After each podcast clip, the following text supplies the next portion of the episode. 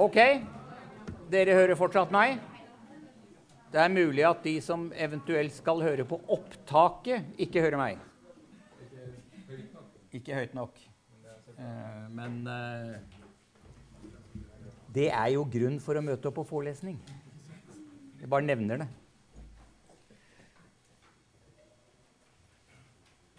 Tillit er altså et grunnleggende fenomen.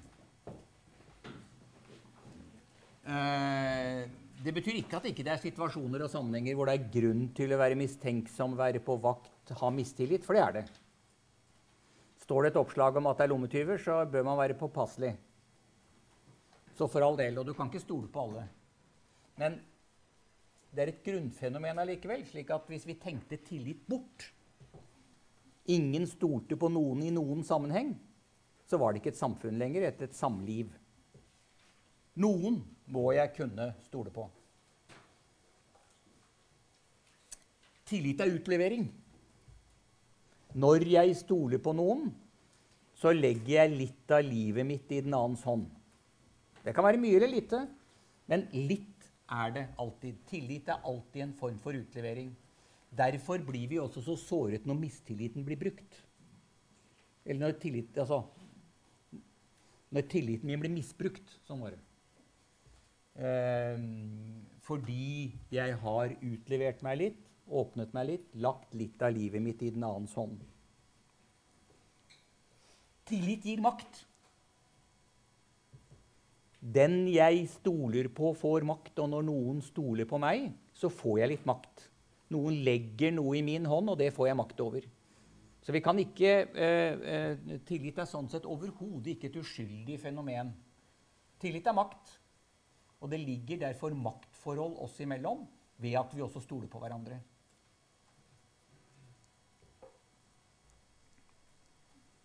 Og sier vår venn Løksrup, for å vende tilbake til han, i makten ligger fordringen. Du skal ta vare på det av din nestes liv som du har i din hånd. Dette er en enkel formulering av den etiske fordring. Vi har alltid noe av andre menneskers liv i vår hånd. Mye eller lite. Det kan være hele livet som står på spill. Eller det kan være den andres eh, humør den dagen. Altså, det er et spenn. Men det er alltid noe. Fordi vi er alltid del av hverandres liv. Og i den makten ligger fordringen. Du skal ta vare på det av din nestes liv som du har i din hånd. Denne etiske fordring eh, bruker Løkstrup en del stikkord på som kjennetegn. Og det er interessant. Den første han sier den er taus.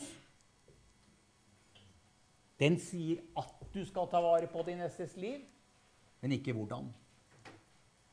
Den sier, for å si det folkelig, bruk huet.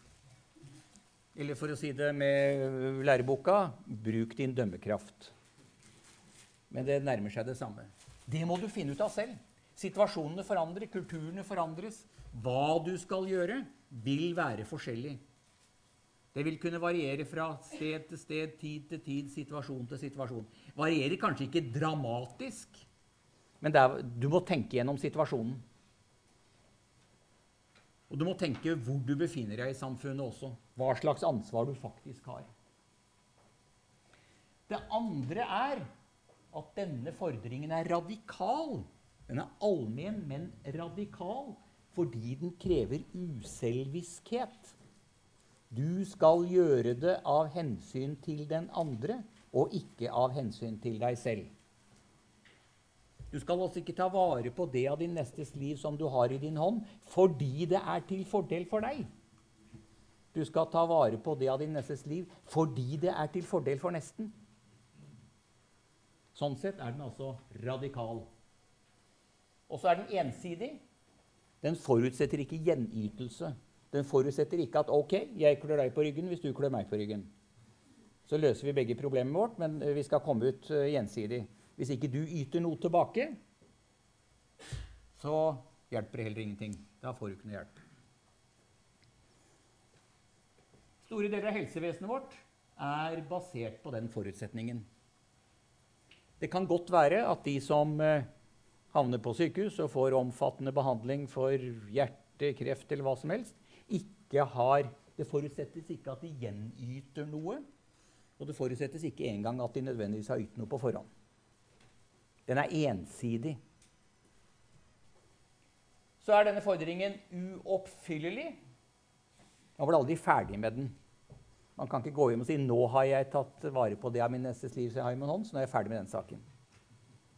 Vi kommer aldri til mål med det prosjektet, fordi vi er alltid i en situasjon hvor vi er involvert med andre mennesker. Og så er denne fordringen anonym. Det betyr ingen eier den.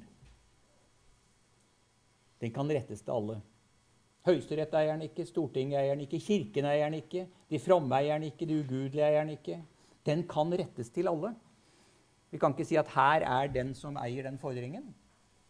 Vi kan si, som Jesus sa, den fordringen er Guds. Men det er ingen som eier den. Den kan brukes mot alle.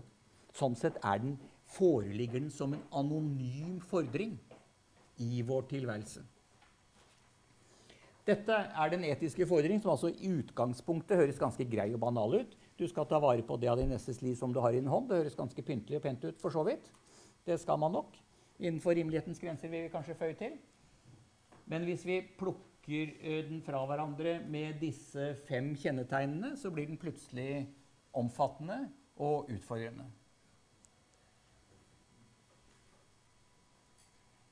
La oss ta et eksempel. Et helt banalt. Uh, hvis jeg nå er på vei hit og har ikke vært på uh, TF eller Blindernveien 9 noen gang, så jeg stopper på, bensinstasjonen borti Kirkeveien og spør om veien. Så sier han som jobber der, det er bare rett ned der, også til høyre. Og det tror jeg jo, gjør ikke det? Det regner jeg med er sant. Og jeg regner med at han svarer sant ikke fordi det lønner seg for ham, men fordi det lønner seg for meg. Du kan engang tenke over at det lønner seg. Uh, han svarer ikke med en gjenytelse. Han sier ja, det er greit, men det koster deg fem kroner eller ti. Eller du må fylle bensin her.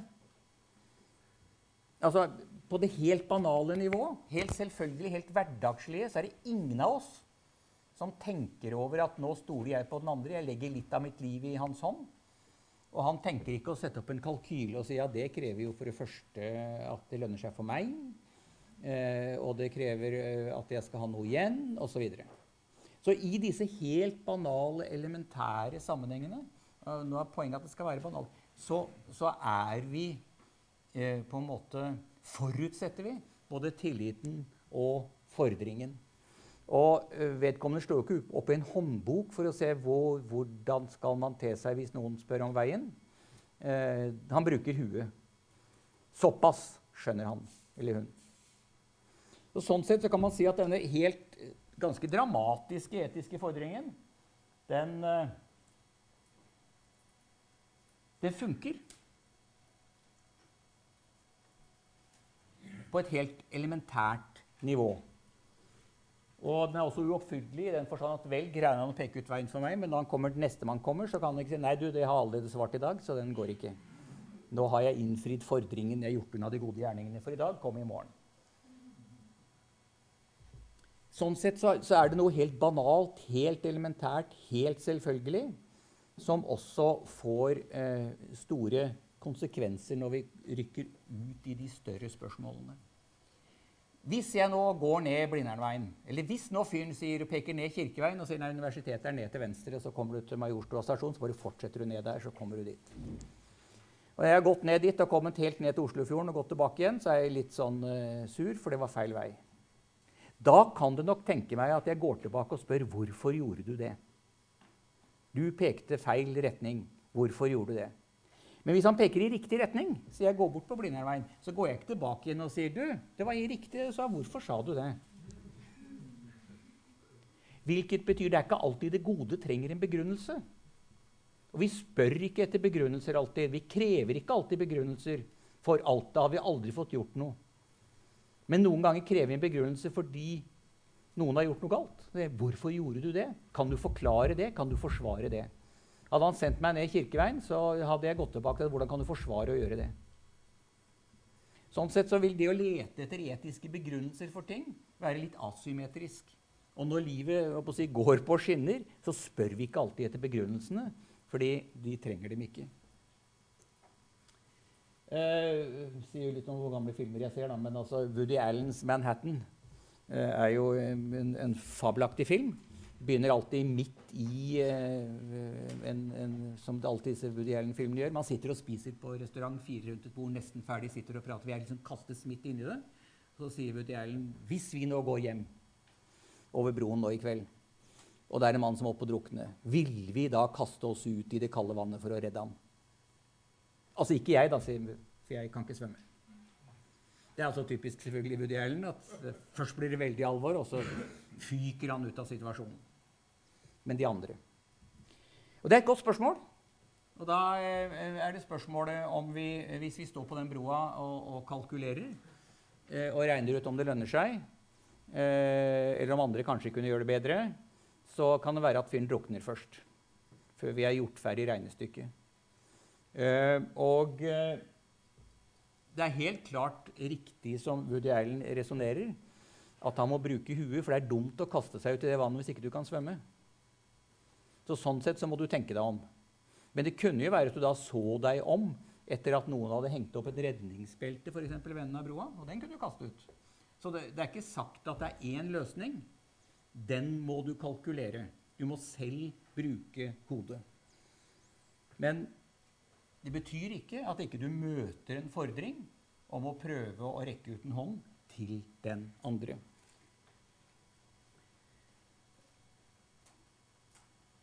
Jeg skal gå litt eh, eh, inn på noen andre ting. Men jeg vil bruke ett eksempel til for å, for å illustrere eh, når vi er ute på de dramatiske situasjonene, fra dette å spørre om veien via Woody Allen til et fjernsynsprogram med lite innslag eh, eh, som var i, i, i, Det er noen år siden nå. Eh, det var på Dagsrevyen. Det var 50 eh, år siden når skip hadde gått ned på Stad, utenfor Stad om krigen. krigen. mange holdt på å drukne. de fastboende satt ut i småbåter og dro ut for å redde folk. Og det ble feiret, og en av de, en liten jente som ble reddet, var liksom vist fram i fjernsynet. Og ja, det var en av de som ble Eh, og så viste det seg at han som hadde reddet henne, fortsatt levde og satt på et gamlehjem. et eller annet sted, Så dagen etter var det han selvfølgelig som skulle vises fram. Og, og, og som helten, og som den gode og den snille. Eh, og eh, hvorfor gjorde du det? var jo spørsmålet. Først var det klart at Fyren syntes det var ubekvemt å bli fremstilt som liksom den, den, gode helten. Det likte han ikke. Han, han vred seg i stolen.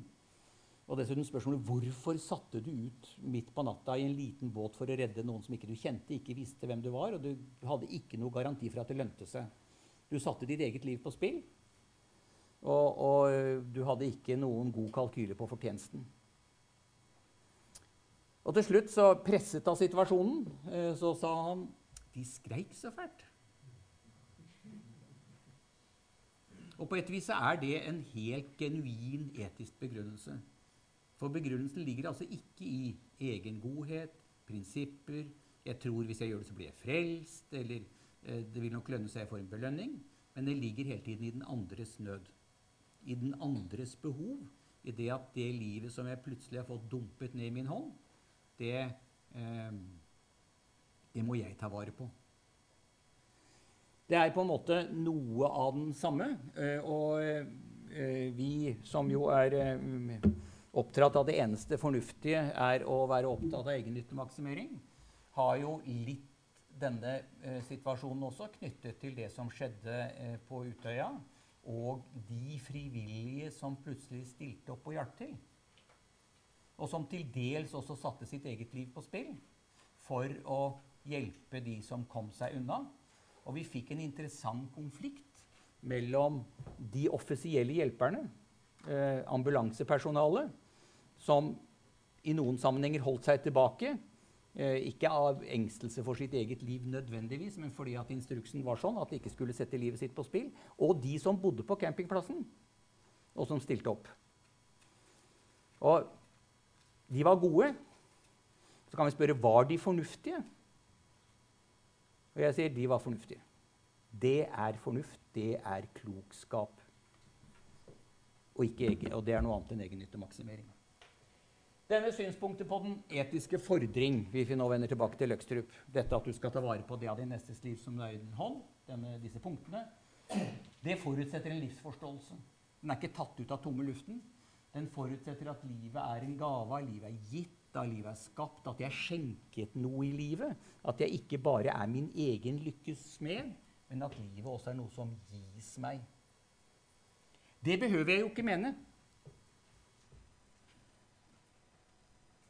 Og Hvis jeg ikke mener det, så faller noe av grunnlaget bort. Hvis jeg mener helt og klart at jeg er min egen lykkes smed, så kan det også være at Og er, alle er det. Du er din lykkes smed, og det er sånn livet er skrudd sammen. Så kan det godt være at jeg sier det fins ikke noen sånn etisk fordring som du Løkstrup påstår at det gjør. Uh, jeg kan kun, uh, har som, kun som mål å male min egen kake. Så jeg kan avvise hele forestillingen om denne, uh, denne fordringen, men det er fordi jeg også avviser livsforståelsen. Jeg kan forkaste begge eller akseptere begge. Men den fordringen henger sammen med en eller annen livsforståelse, hvor det også er noe som skjenkes meg i livet. Hvor noe også gis meg. Det dreier seg ikke om hva vi mener. i disse sammenhengene, Og det er viktig. Hvis vi nå går tilbake til vår venn på bensinstasjonen eh, og ber ham gi en begrunnelse for hvorfor han pekte i riktig retning. Han hadde ingen begrunnelse. Eh, i praksis, for han så bare at jeg trengte å vite veien, og han kunne den. Men hvis jeg hadde gått tilbake og sagt ålreit, det du sa var riktig, hvorfor gjorde du det? Hva er begrunnelsen? Hvis jeg begynte å presse på det, så tror jeg at fornuftsbegrepet vårt i dag ville innebære at hvis han skulle finne en fornuftig begrunnelse, så ville han til slutt komme opp med et eller annet det lønte seg nok for meg, eller i hvert fall på bensinstasjonen. Hvis jeg sa feil, så ville du klaget eh, selv. Og så ville jeg få altså, Skjønner? Men han tenkte ikke sånn først. Han reflekterte overhodet ikke over den type begrunnelse. Så som Løksrud sier, du kan godt mene at, livet, at du er din egen lykkes med i livet, og likevel leve som om du tar det imot. Og så kan jeg godt mene at livet er skjenket og gitt, og Gud har gitt meg det, og det er stas og fint alt sammen, men jeg lever som om jeg var min egen lykkes med. Altså, Det er ikke et spørsmål om teoriene, men hvordan livet nå en gang fungerer i det liv jeg lever. Jeg kan godt ha masse meninger eh, om eh, at livet er skjenket og gitt, og jeg er takknemlig og alt sånn. Så lever jeg som om jeg ikke har mottatt noen ting. Hvis jeg er det, eh, og det er det Løkstrup er opptatt av eh, etter hvert, er nihilist, så mener jeg selvfølgelig at livet er meningsløst. Det er ikke noen gave, det er ikke noe som er skjenket meg. Jeg er min egen lykkes smed. Livet mitt står og faller med meg. Og eh, godt og, og, og, sant og rett er ikke noe annet enn det vi selv bestemmer oss for. Sånn er det. Um, og det kan man på det grunnlag som nihilist avvise både denne fordringen og avvise denne livsforståelsen. Og det sier Løkstrup, det er mulig. Og kanskje har nihilisten rett. Det er fullt det kan jeg, jeg kan ikke motbevise det. Men det er ikke nødvendigvis sant. Det er hans poeng. Min posisjon det at jeg tror faktisk at livet er skjenket på et vis. At uh, det er en fordring. Det kan jeg ikke bevise, men det er ikke nødvendigvis feil. Fordi nihilismen er ikke nødvendigvis sann. Vi står i en situasjon hvor vi faktisk må avgjøre noe sjøl.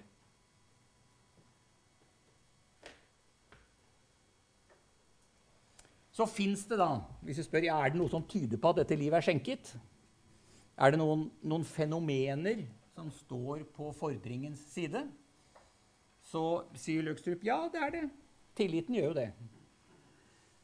Eh, tilliten er eh, på et vis skjenket oss. Eh, den er gitt oss. Eh, vi kan ikke klare oss uten. Noen ganger må vi eh, tvinge den ned i jorden. Eh, men det er ikke så lett å bestemme seg for å være tillitsfull. Altså, Tilliten kommer ofte bakpå oss. Eh, derfor er det også at vi i noen sammenhenger stoler på folk i sammenhenger vi ikke burde ha gjort det. Vi, vi vet at vi skulle være forsiktige, men vi lar oss allikevel lure, som det heter. Så tillit er et sånt fenomen som ikke er vårt helt, men som skjenkes hvor livet kommer til oss. Barmhjertighet eh, også en, det Løkstrup kaller en suveren livsytring. Eh, også noe som til dels kommer til oss. Vi kan være barmhjertige med en baktanke. Jeg var inne på den barmhjertige samaritan. Vi kunne ha tenkt oss at han lagde en lynrask kalkyle da han så denne mannen i veikanten og sa det vil nok lønne seg for meg å ta med på esel og få ham på terberget.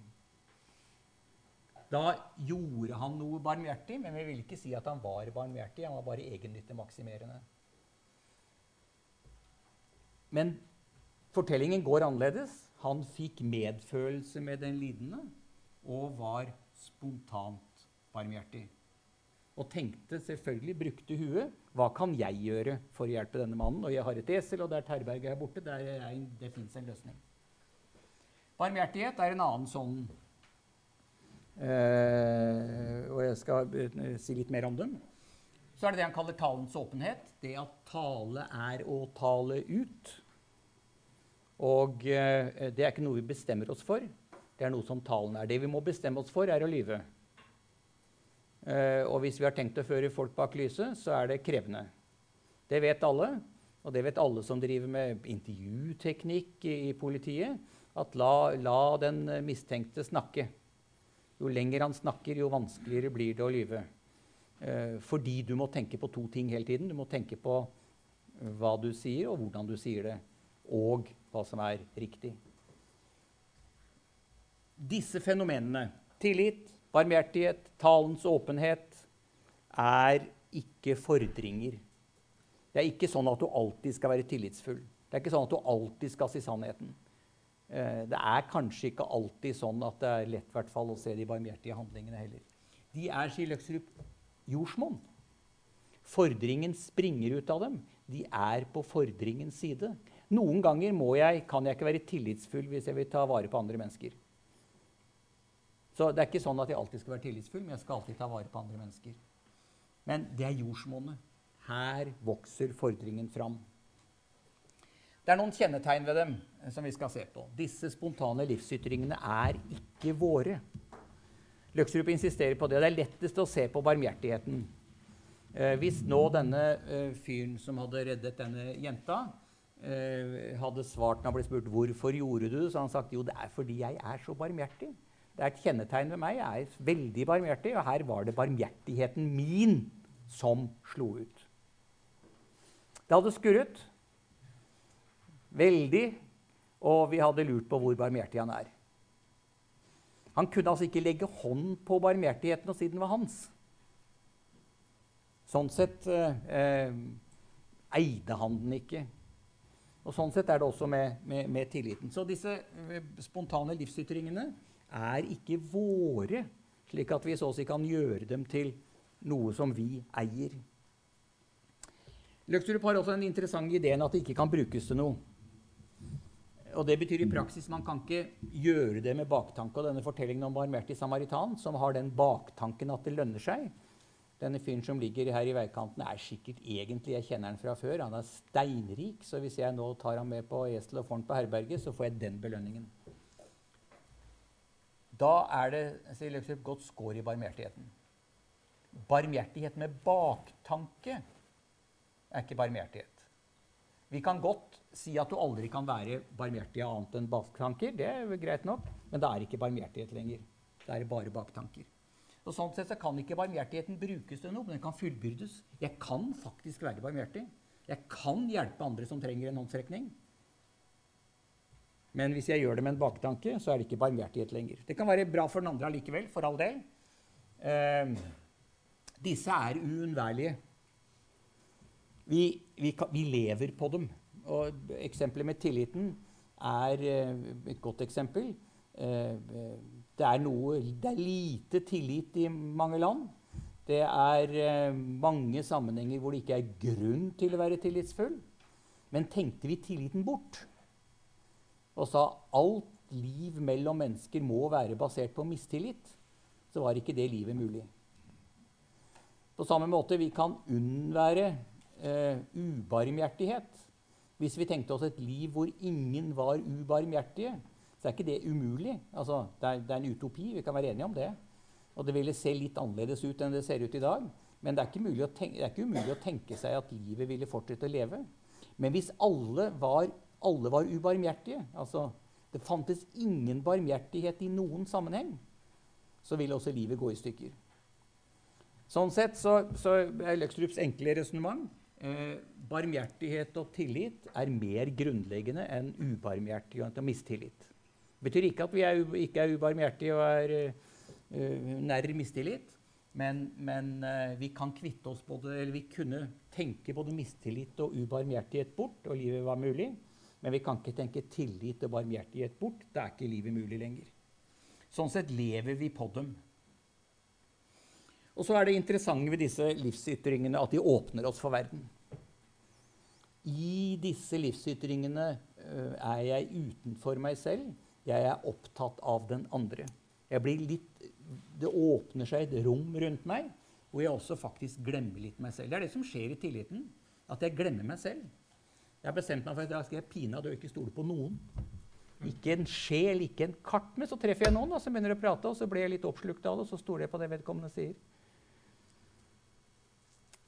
Det er eh, Da er jeg utenfor meg selv, oppi den andre. I samme i barmhjertigheten. De skreik så fælt, som det heter som han sa, det er fordi jeg da har gått uti meg selv og blitt oppslukt av den andre. Det åpner seg en verden rundt meg av både mennesker og situasjoner og erfaringer.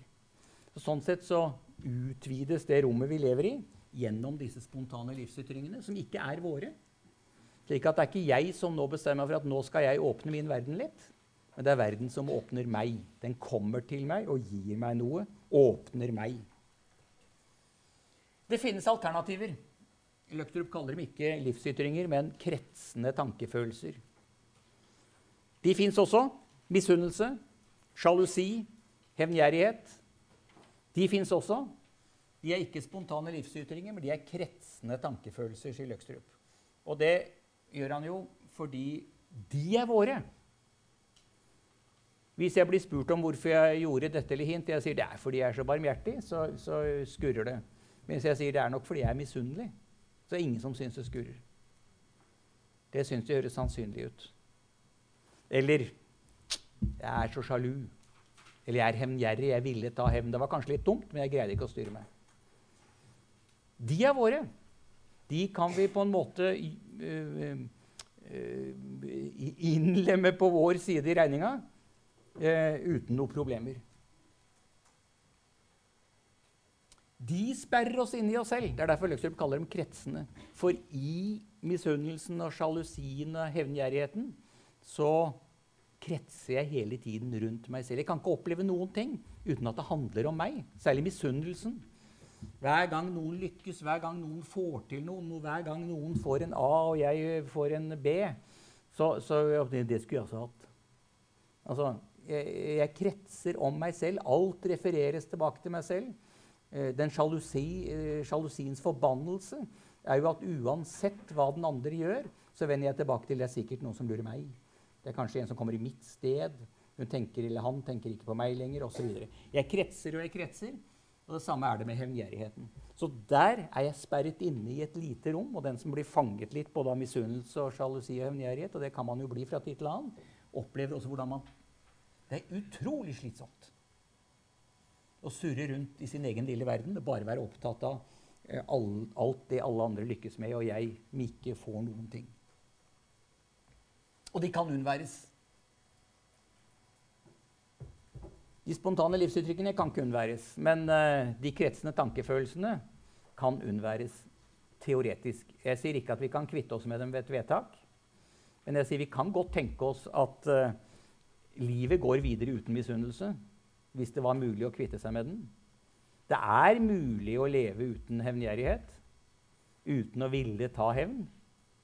Jeg sier ikke at det er lett å gjøre det, men, men eh, de kan unnværes. Misunnelse, sjalusi, hevngjerrighet kan unnværes. Tillit, barmhjertighet, talens åpenhet kan ikke unnværes. Så Det er forskjellen på disse. Noen er mer, ting er mer grunnleggende. Noen ting skjenker oss livet uten at vi kan si at det er vårt. Noen ting gjør vi og ødelegger det livet som skjenkes oss. Og dette er, for å vente litt tilbake igjen til, til disse punktene Dette er fenomener sier Løkstrup, som står på fordringens side. De beviser ikke at fordringen er riktig. Men det, de er argumenter som står på fordringens side og sier at det er rimelig, fornuftig, å tenke sånn at det fins en etisk fordring om å ta vare på det av din nestes liv som du har i din hånd. Et viktig aspekt ved dette resonnementet, og dere skal få det utfoldet som et lite etisk resonnement også helt til slutt, som argumentasjon, er jo at henvisningen, og det er dette fenomenologiske, livserfaringsmessige aspektet kommer Argumentene som Løkstrup bruker for dette, er henvisning til deres livserfaring. Altså Det forutsettes at dere kjenner fenomener som tillit, barmhjertighet, talens åpenhet. Eh, så det Løkstrup gjør, og det jeg gjør nå, er å henvise til at dette er noe dere kjenner igjen fra deres eget liv. Så får dere diskutere og ta stilling til men det er en gjenkjennelighet. Hvis dere sier nei, dette kjenner vi ikke igjen, dette fenomenet tillit har vi aldri støtt på, aner ikke hva du snakker om, så har jeg ikke noen andre argumenter enn denne henvisningen. Jeg kan ikke si jo, skjønner det står i Bibelen. Altså, det er ikke noe argument i denne sammenhengen. Det er hele tiden en argumentasjon ved å forsøke å hente opp en, en samling av livserfaring og henvise til den og si kunne det være at det i denne livserfaringen ligger noe som forteller oss om hva det er rett å gjøre. På en måte er det tanken om den naturlige lov, men den er altså knyttet til et sånt erfaringsarsenal som sier det er noe i de erfaringer vi gjør som mennesker, som tilsier at vi kanskje har noen forestillinger om hva det er riktig å gjøre. Det er ikke alltid vi gjør det, for all del, men vi er i stand til å forstå hva det kunne være riktig å gjøre. Et viktig punkt i denne boka til Løkstrup er da spørsmålet fins det en spesifikk kristen etikk. Nå henviser jeg til livserfaringen. Jeg henviser ikke til livserfaringen som noen har som kristne, eh, men til den livserfaring som folk har et kapittel i denne boka sier fins det en kristen etikk. Og jeg har føyd inn ordet spesifikt. Det vil nei, det fins ikke. Fordi alle står under samme fordring. Alle må bruke sitt skjønn, alle må bruke huet. Det er ikke noe forskjell på kristne og ikke-kristne. Alle må bruke huet for å finne ut hva det er riktig å gjøre. Fordringen er den samme for alle. Fordringen er den samme for alle. Jeg vet ikke om dere pleier å bruke uh, nyttårsaften til å høre kongens tale. Skal ikke ha håndsopprekning her. Uh, men jeg hadde stor glede av den. det er vel litt vekslende med høreren, men shit. I fjor hørte jeg den, og da hadde jeg en stor glede av at han siterte Løkstrup. Og han siterte akkurat dette, at vi har alltid noe annet, annet menneskes liv i vår hånd. Det interessante ved det er at han henvender det til alle. Det er ikke noe han sier 'sånn er det for kristne', eller 'sånn er det og ikke for ateister eller for muslimer'. Han sier 'sånn er det for alle'. Han henvender seg til hele befolkningen og sier 'sånn gjelder, gjelder det for alle'. Og Det er Løksrups poeng. Alle står under samme fordring.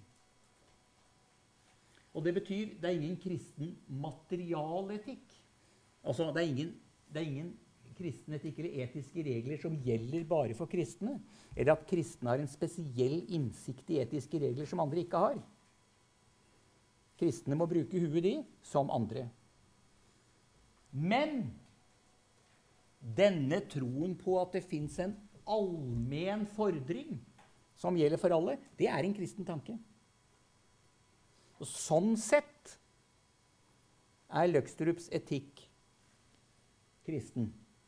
For den bygger på den kristne forestilling at det fins en allmenn fordring som er gitt med livet.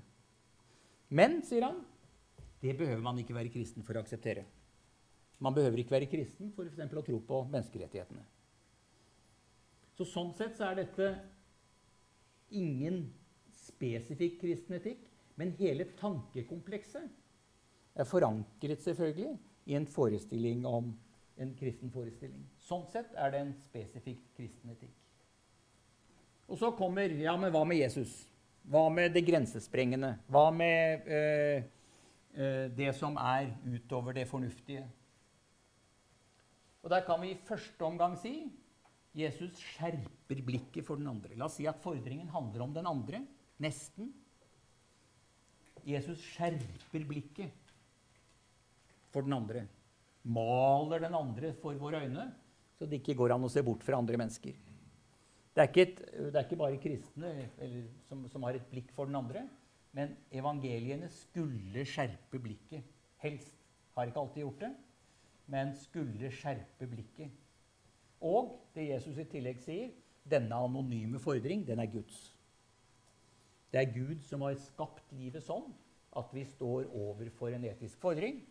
Det er et lite Luther-sitat på den sliden fra forrige gang hvor, hvor Luther sier at livet er skapt sånn at vi er kanaler for det livet Gud vil gi videre til andre.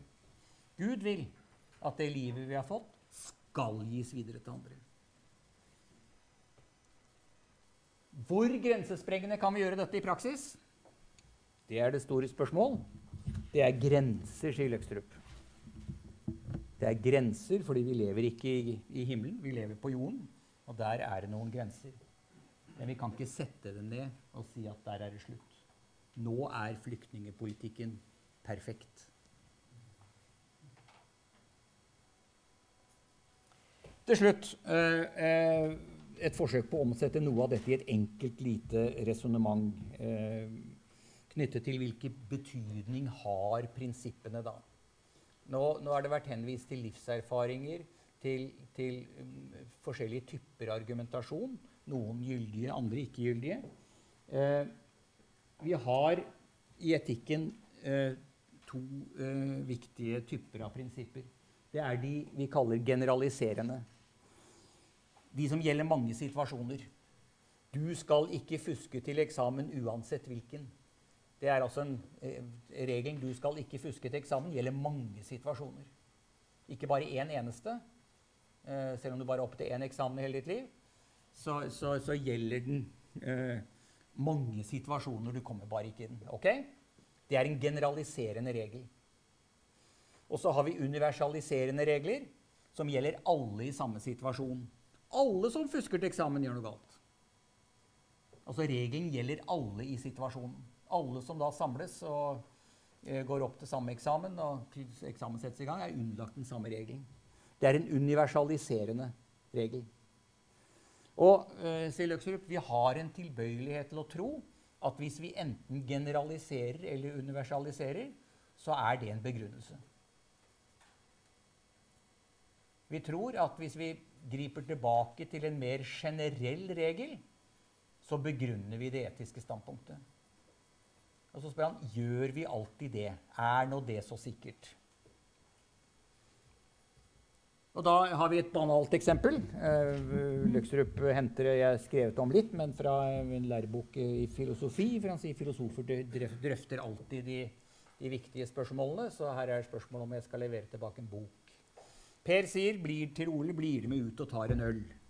Så svarer Ole nei, jeg må bort til Jon og levere tilbake den boken jeg har lånt. Så sier Per hvorfor må du det? Det kreves en begrunnelse. Ole, fordi jeg lovet at han skulle få den før middag. Ja vel. Per gir seg jo ikke. Han vil ut. Ble den sliden borte? Det spiller ingen rolle, sier Per. Det spiller ingen rolle. Spiller det rolle? Ja. Ole mener det. Hva som helst jeg lover hvem som helst, må jeg holde. Hei sann, her har vi generalisert.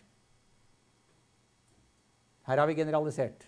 Det gjelder altså første eh, regel. Eh, jeg har lovet det. Alle jeg har lovet noe, da har jeg generalisert, må jeg holde. Ok, det var en begrunnelse. Per gir seg ikke, vet du. Ikke planer. Hvorfor må du det? Og så får vi eh, universaliseringen. Enhver som lover noe, bør holde det. Da må jeg også holde det. Og eh, jeg må holde det overfor alle jeg har lovt noe. Så her har vi både universalisering og generalisering. Så til slutt så står Ole fast. Enhver som lover noe, bør holde det. Jeg har lovt det, ergo gjør jeg det. Det er en god etisk begrunnelse. Og antageligvis så går Per ut og tar seg en øl selv. Løkstrup spør er dette moral. Eller er det moralisme? Ole står egentlig som den rakeryggede, prinsippfaste, helt uh, pålitelige Men er det noe riktig? For uh, spør hvor ble det av Jon? Vi begynte jo med han Jon som skulle ha den boka. Han ble borte underveis i resonnementet. Plutselig handlet min atferd ikke lenger om Jon, men om et prinsipp. Er det, er det, er, skjer det noe galt med våre etiske begrunnelser når de menneskene vi skulle handle med henblikk på, plutselig blir borte i det etiske resonnementet? Er dette en form for moralisme, hvor moralen blir til for sin egen skyld? Jeg er så å si moralsk av moralske grunner fordi jeg nå engang skal være moralsk. Moralisme sier Løksrup, er moralens måte å være umoralsk på. Eh, for så vidt eh, Ole er eh, moralsk til fingerspissene. Men, men, det er en form for umoral i det, for han tenker ikke lenger på Jon. Det går an å argumentere annerledes, sier Løkstrup. Når Per sier 'ja, men hvorfor må du det', da? Så kunne jeg si at Ole har bruk for boken. Jon har bruk for boken. Skal, øh, Jon har bruk for boken. Det kunne jeg jo si. Da fortsetter jeg å snakke om Jon. Så sier Per han kan lese noe annet. Han har flere bøker. Han Har ikke en stående, kan du gjøre det? Nei, Ole, han har innstilt seg på å lese den i ettermiddag. Fortsatt er jeg opptatt av Jon og hensynet til Jon. Jeg argumenterer, men jeg argumenterer hele tiden med en henvisning til den andre. Så jeg fastholder hensynet til den andre i min argumentasjon, og jeg henfaller ikke til et generelt prinsipp. Per kan jo mene at det er å ta altfor mye hensyn til Jon. Det er ingen tvil om han vil ha en øl. Ole fortsetter. Jon stoler på meg. Jeg vil ikke sette hans tillit til meg over styr. Altså, Han fortsetter hele tiden og argumenterer Jeg kan godt si det er pragmatisk, men han argumenterer hele tiden med hensynet til Jon. Og fastholder at det er det det dreier seg om. Og da er vi tilbake igjen til det eh, jeg sa tidligere. Den moralske begrunnelsen ligger i hensynet til den andre. Det er derfor det er ikke i en regel.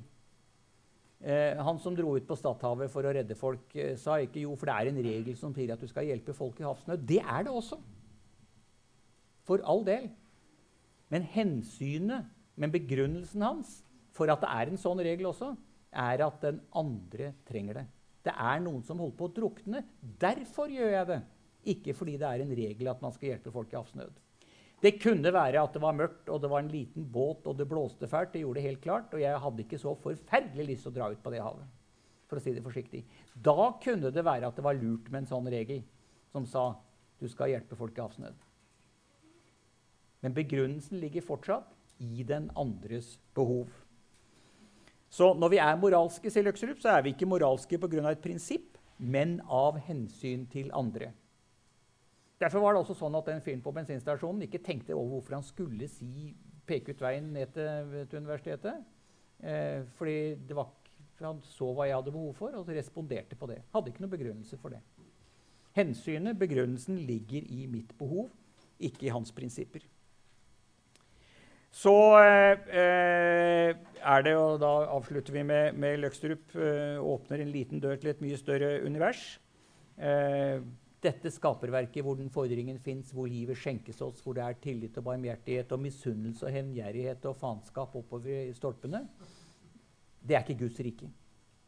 Det er en fordring der om å ta vare på andre mennesker. Stå det, gode i, stå det onde imot.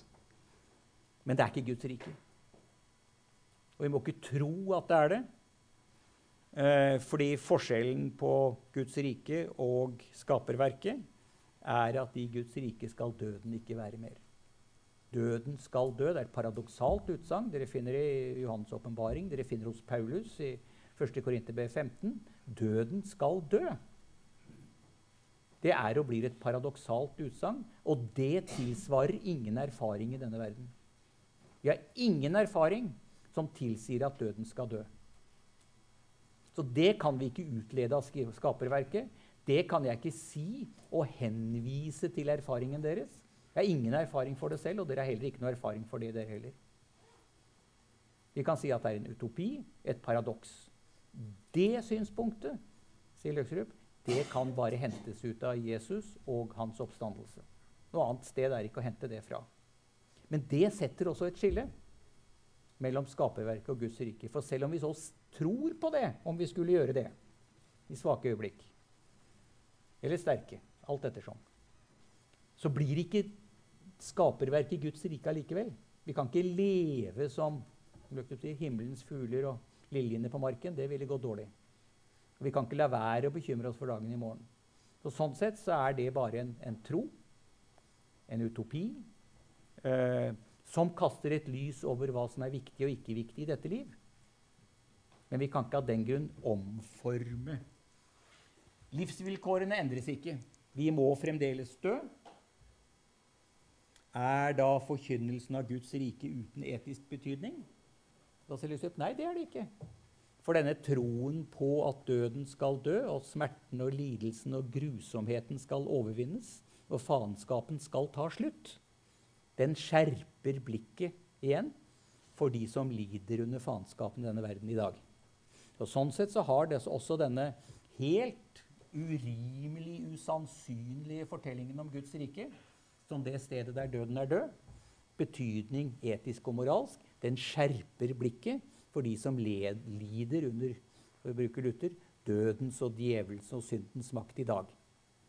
Og gjør det kanskje lettere å se hvordan vi skal komme dem til unnsetning. Det er utfordringen når man først har lest evangeliene. Det kunne bety noe. Da var det ett minutt på overtid. Det er mer å si,